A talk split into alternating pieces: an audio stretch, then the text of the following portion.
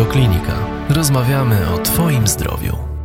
Łukasz Wierucki, jestem pracownikiem Zakładu Prewencji Dydaktyki Katedry Nadciśnienia Tętniczego i Diabetologii Gdańskiego Uniwersytetu Medycznego. Określenie wiek serca to jest chyba tak sformułowane pod pacjenta, żeby pokazać pacjentowi, na ile jego serce jest sprawne. Ale z tych waszych badań wynika, że jednak to, ten wiek serca troszkę goni do przodu. No to nie jest dobrze. Znaczy to prawda. Stwierdzenie wiek serca jest tak naprawdę taką wymyśloną formułą, która ma trafić do pacjentów, a nie do lekarzy. My raczej korzystamy z określenia ryzyko sercowo-naczyniowe, czyli ryzyko wystąpienia zdarzeń sercowo-naczyniowych, a do pacjentów to po prostu nie przemawia, bo same cyferki nie przemawiają. Dlatego Amerykanie z, z Bostonu wymyślili formułę wieku serca, który w bardzo prosty i obrazowy sposób pokazuje, w jaki sposób te czynniki ryzyka, które dani, dany pacjent ma, e, w jaki sposób zmieniają jego układ krążenia, jak one powodują, że ten układ krążenia się po prostu szybciej starzeje. E, I, I temu ma służyć tak naprawdę ta koncepcja wieku serca. Oczywiście te badania, które mm, zrobiliśmy, czy w badaniu NATPOL, czy teraz tutaj oceniając wiek serca w, w ramach kampanii Ciśnienie na życie, no wskazuje, że y, tak naprawdę wszystkie grupy osób, które badaliśmy, jeżeli weźmiemy razem, okazuje się, że, że ci wszyscy mają wiek starszy niż ich wiek rzeczywisty, wiek serca starszy. No i oczywiście potem zawsze odpowiedź na pytanie, co zrobić, zmienić tryb życia. Tylko to jest trudne, to jest ciężkie. Wiele osób e, zaniedbanych pod względem fizycznym, no właśnie, boi się nawet pójść na to badanie, boi się tego pierwszego kontaktu z lekarzem, on, ten lekarz musi być delikatny, podejść do niego jakoś. No właśnie, mamy osobę taką w rodzinie, trzeba jakoś zacząć do nich przemawiać. Jak zacząć, od czego zacząć? Od diety, od ruchu? To jest bardzo ważna informacja, że tak naprawdę ten wiek serca to możemy sobie modyfikować. To nie jest tak, że jednokrotna ocena powoduje, że już mamy konkretnie przypisany wiek serca. My możemy go sobie zmniejszyć, oczywiście też możemy zwiększyć poprzez pewne działania. Głównie te nasze wszystkie działania w kampanii e, są nakierowane na to, żeby Polacy zmniejszyli sobie ten wiek serca, żeby ich układ krążenia był zdrowszy. E, na pewno straszenie tutaj e, chorobami serca ma pewne znaczenie, natomiast efekt tego straszenia jest, jest niewielki. Zdecydowanie widzimy lepiej e, w pracy z pacjentami działa zachęcania do pewnych form e, zmian stylu życia, czyli bardziej zbilansowanej diety, z mniejszą ilością cukrów prostych, z, z mniejszą ilością kalorii, zwiększenia aktywności fizycznej, lepsza kontrola ciśnienia tętniczego. To i wiele jeszcze innych aktywności wpływa na wiek serca. I jeżeli redukujemy na przykład ciśnienie tętnicze i zmniejszamy sobie ciśnienie, które, które mamy, to również zmniejszamy swój wiek serca i swoje ryzyko zachorowania na zawał serca czy e, udar mózgu. Bez tego się nie obędzie, nikt tego za pacjenta nie zrobi. No rodzina tego nie zrobi za niego, a przede wszystkim tabletki tego nie zrobią. Tutaj rodzina ma bardzo duży wpływ. Po pierwsze w motywowaniu tego pacjenta i w zachęcaniu takiego pacjenta i, i, i ich aktywność nie jest, do, nie jest obojętna tak naprawdę. Na pewno sam pacjent to jest osoba kluczowa w, w redukcji swojego ryzyka sercowo-naczyniowego, bo nikt tego za, za niego nie zrobi. E, jeżeli chodzi o tabletki, my bardzo wiele możemy zdziałać tymi tabletkami, natomiast jeżeli pacjent chociażby ich nie będzie brał, to choćbyśmy mu przepisali najlepsze tabletki, nic, nic to tak naprawdę mm, nie da. Dlatego pacjenci E, muszą wiedzieć, po co przyjmują te tabletki, w jakim celu, jakie odnoszą korzyści i co sami mogą zrobić, poza oczywiście tabletkami, bo bardzo jest niedoceniana ta terapia niefarmakologiczna, bo my ją dzielimy na farmakologiczną, czyli lekową, e, i niefarmakologiczną. Niefarmakologiczna to jest po prostu częstsza aktywność fizyczna, mniejsze spożycie soli, e, regularne wysypianie się, unikanie stresów, i, i jeszcze kilka, kilka innych oczywiście działań tutaj można, można podjąć samemu.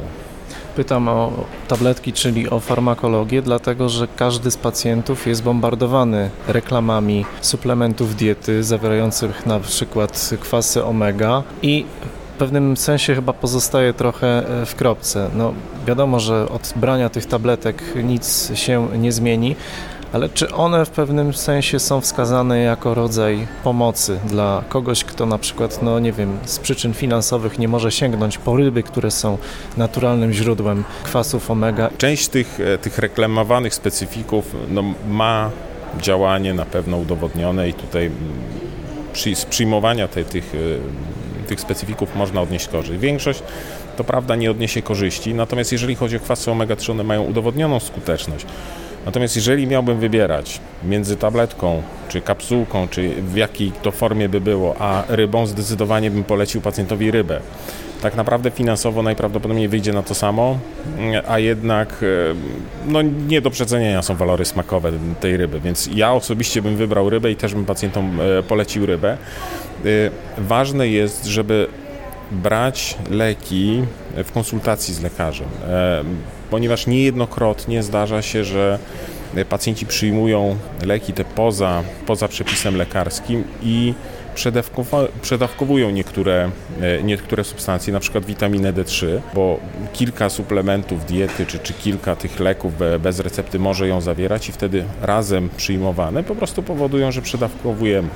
E, na pewno jest grupa leków, które powinno się brać, jeżeli ma się jednostkę, jeżeli ma się na przykład nadciśnienie tętnicze, to powinno się brać leki e, nadciśnieniowe. Jeżeli ma się cukrzycę, powinno się brać leki na cukrzycę.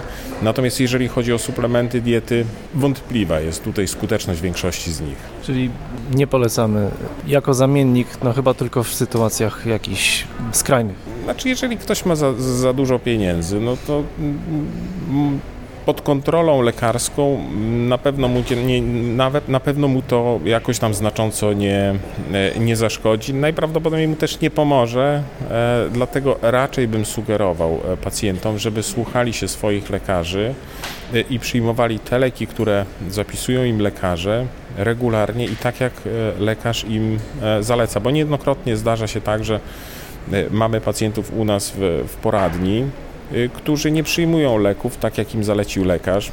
Czasami to ze względów ekonomicznych jest to, jest to no zrozumiałe, że jak, jak ktoś nie ma, no to, to na to wpływu nie mamy, nie, nie, nie ma pieniędzy, żeby wykupić receptę. No ale też mamy grupę pacjentów, którzy, którym się, którzy uważają, że wiedzą lepiej e, i, i, stosują te leki e, w różnych dziwnych konfiguracjach i niestety sobie szkodzą. Zapytam jeszcze na koniec o takie bardzo popularne E, zwłaszcza przekazywane z pokolenia na pokolenie przez to starsze pokolenie, tak zwane ziółka nasercowe, to e, jest e, nadal przez lekarzy sfera, mówię o ziołolecznictwie, szanowana. Znaczy ziołolecznictwo jest udowodnioną, znaczy ma swoją udowodnioną skuteczność.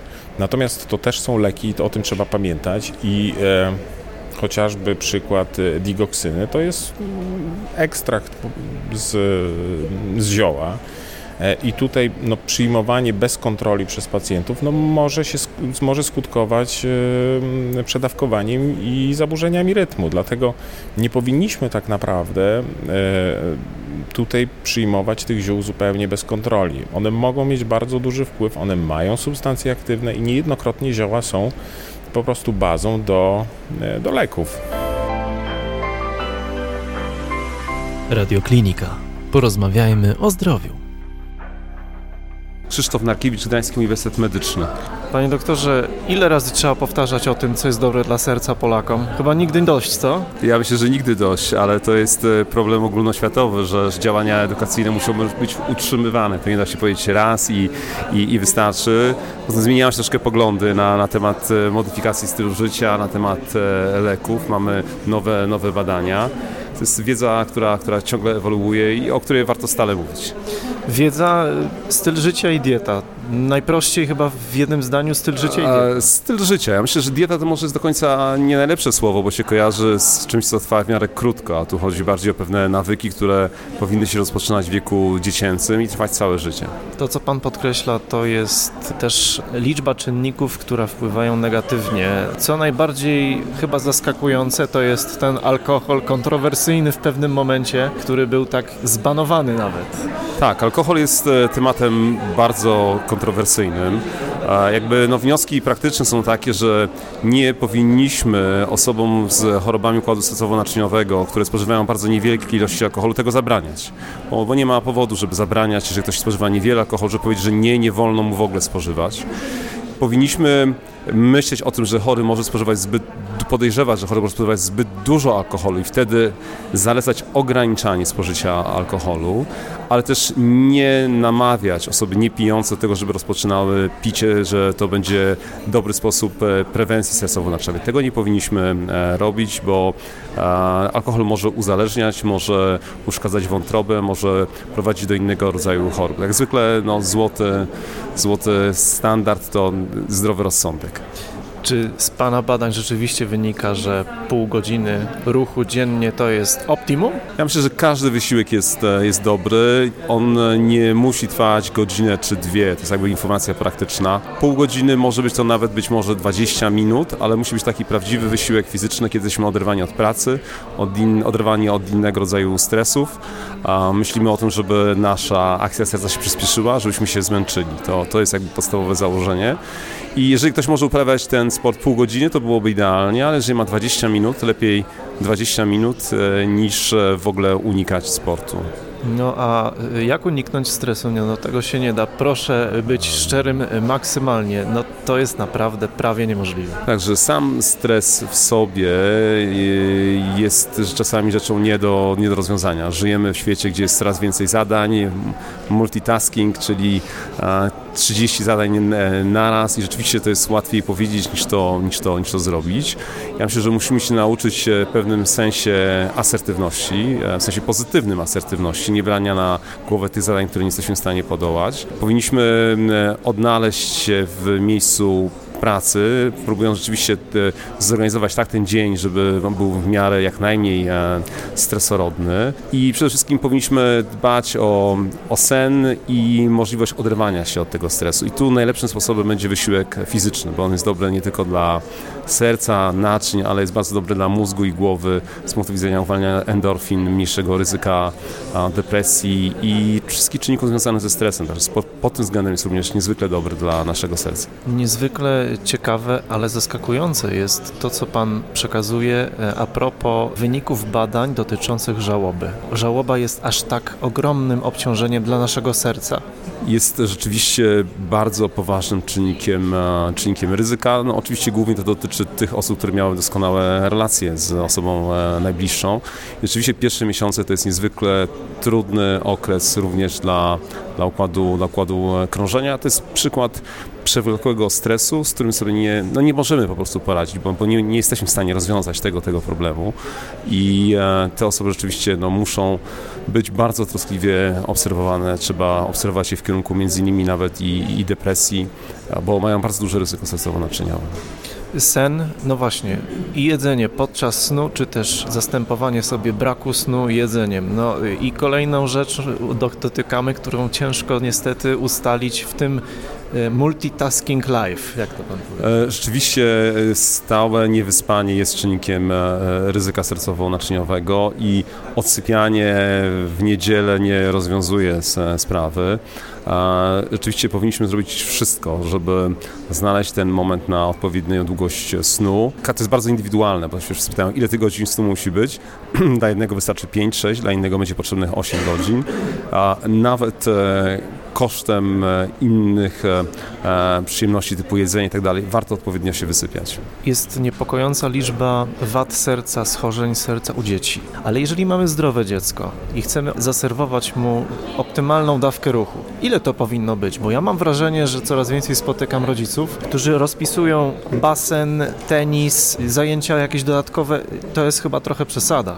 Ja myślę, że chodzi o występowanie wad u, u dzieci, czy w ogóle chorób układu sercowo-naczyniowego u dzieci.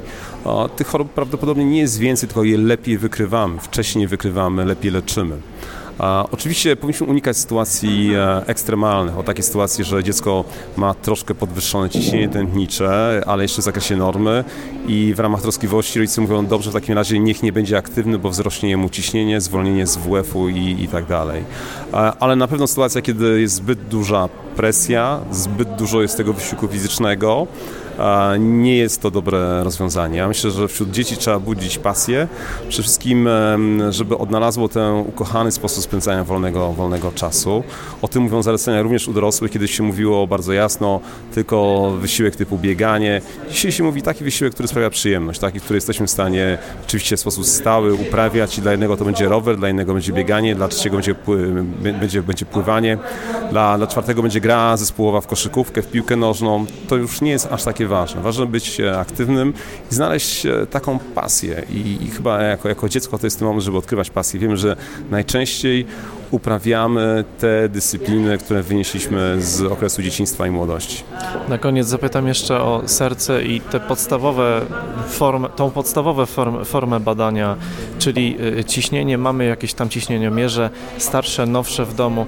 Jak często powinniśmy się w ogóle tym, nad tym zastanawiać, żeby e, e, ten ciśnieniomierz wyjąć, zbadać rodzinę, bo ja mam wrażenie, że starsi no to zbyt dużo czasem uwagi poświęcają temu, żeby codziennie badać swoje ciśnienie, no nawet jeśli nie mają z tym problemu. Rzeczywiście trzeba e, nie przesadzać z, z liczbą pomiarów, ale z drugiej strony no, mamy miliony Polaków, którzy ani razu w życiu nie zmierzyli ciśnienia tętniczego. Także myślę, pierwszy krok, zmierzenie ciśnienia tętniczego po raz, po raz pierwszy, bez obaw, dlatego że nawet jeżeli by się okazało, że to ciśnienie w tym pierwszym pomiarze jest troszkę podwyższone, to wcale nie znaczy, że mamy nadciśnienie tętnicze. To może wynikać z sytuacji stresowej, pośpiechu, złych warunków e, pomiaru. Jedynie gdyby ciśnienie tętnicze było powyżej 180 na 110, to tak naprawdę natychmiast trzeba byłoby wręcz szukać pomocy lekarskiej. W innych przypadkach powtórzmy pomiar jeszcze raz tego samego dnia, zmierzmy ciśnienie tętnicze w kolejnych dniach. Jeżeli będzie podwyższone, szukajmy wtedy porady już u lekarza. A były badania dotyczące wzrostu ciśnienia wraz ze stopniem naukowym? ja myślę, że takich prac nie ma. Wszystkie grupy ryzyka są e, obciążone tak naprawdę i występowaniem naciśnienia tętniczego i hipercholesterolemii. Choroby nie, nie wybierają tak naprawdę, ale my te scenariusze możemy modyfikować. Więcej audycji na stronie radioklinika.pl